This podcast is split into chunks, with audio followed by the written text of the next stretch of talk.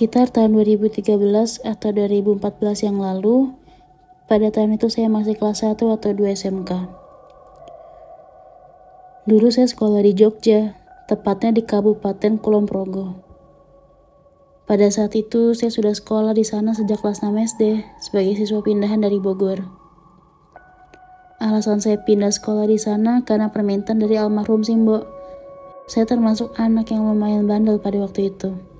Setiap malam sering nongkrong bersama teman-teman satu dusun sampai tengah malam atau lebih yang akhirnya paginya bisa kesiangan. Pada malam itu seperti biasa, saya nongkrong dan pulang ke rumah sekitar menjelang jam 12 malam. Sampai di rumah langsung cuci muka, tangan dan kaki, lalu wudhu dan sholat isya jam 12 malam. Selesai sholat isya langsung beranjak tidur. Rebahan hampir setengah jam, akhirnya baru berasa sangat ngantuk.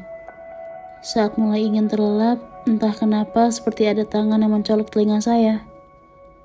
Yang membuat saya merasa takut itu, colekannya berasa dingin, dingin sedingin-dinginnya.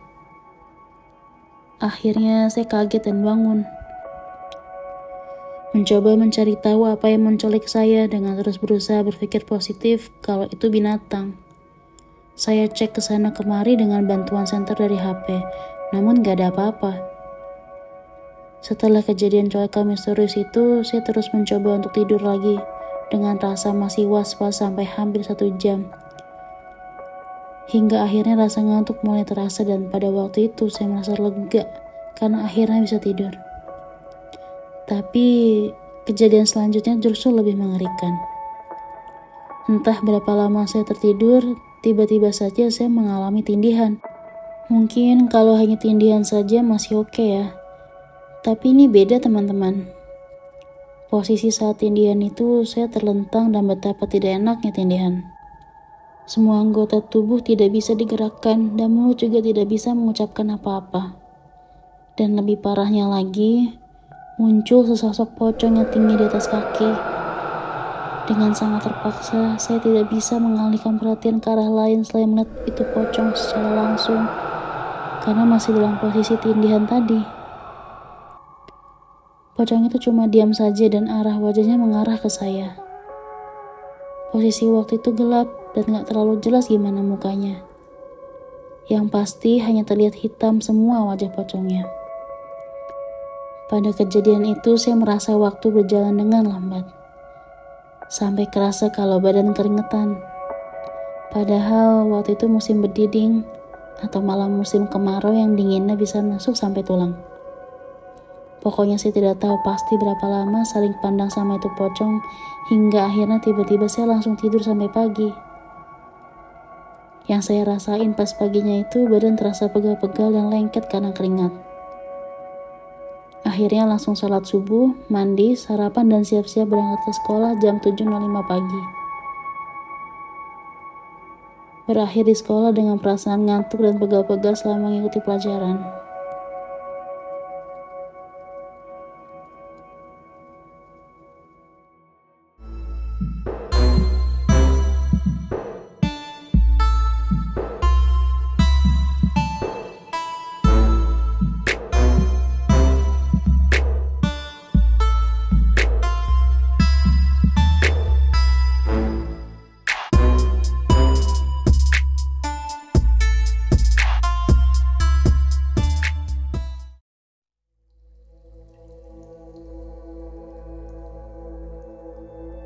Cerita oleh Novianti. Sebenarnya saya bukan tipe orang yang penakut-penakut amat sih, terutama di rumah sendiri. Karena sebelum kejadian yang akan saya ceritakan ini, saya sudah sering mengalami kejadian-kejadian di luar nalar. Bahkan ngelihat benda mati gerak sendiri pun, saya pernah.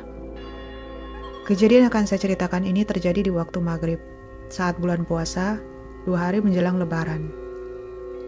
Saat itu saya buka puasa sendirian di rumah, karena ayah ibu saya sedang buka bersama di rumah kakek.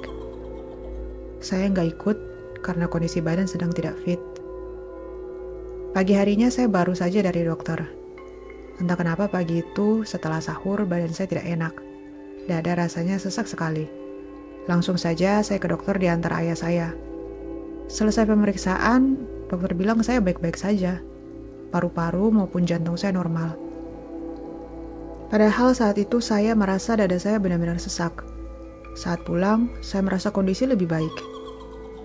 Menjelang maghrib, saya merasa sesak kembali sampai badan pun terasa lemas. Saat hendak buka puasa, saya melihat seperti ada sesuatu melintas atau mengintip di depan saya.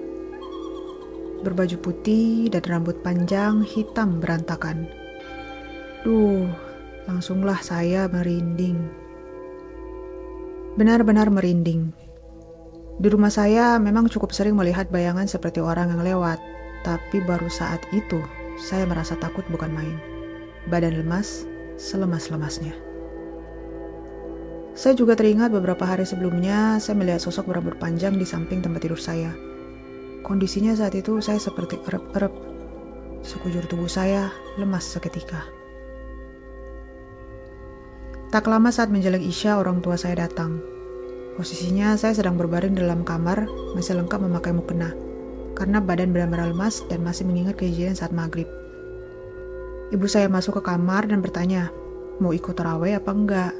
Karena beliau tahu kan saya sedang tidak enak badan. Saat itu saya memutuskan untuk ikut, karena benar-benar enggak mau sendirian di rumah. Saat terawih sebenarnya saya tidak benar-benar khusyuk.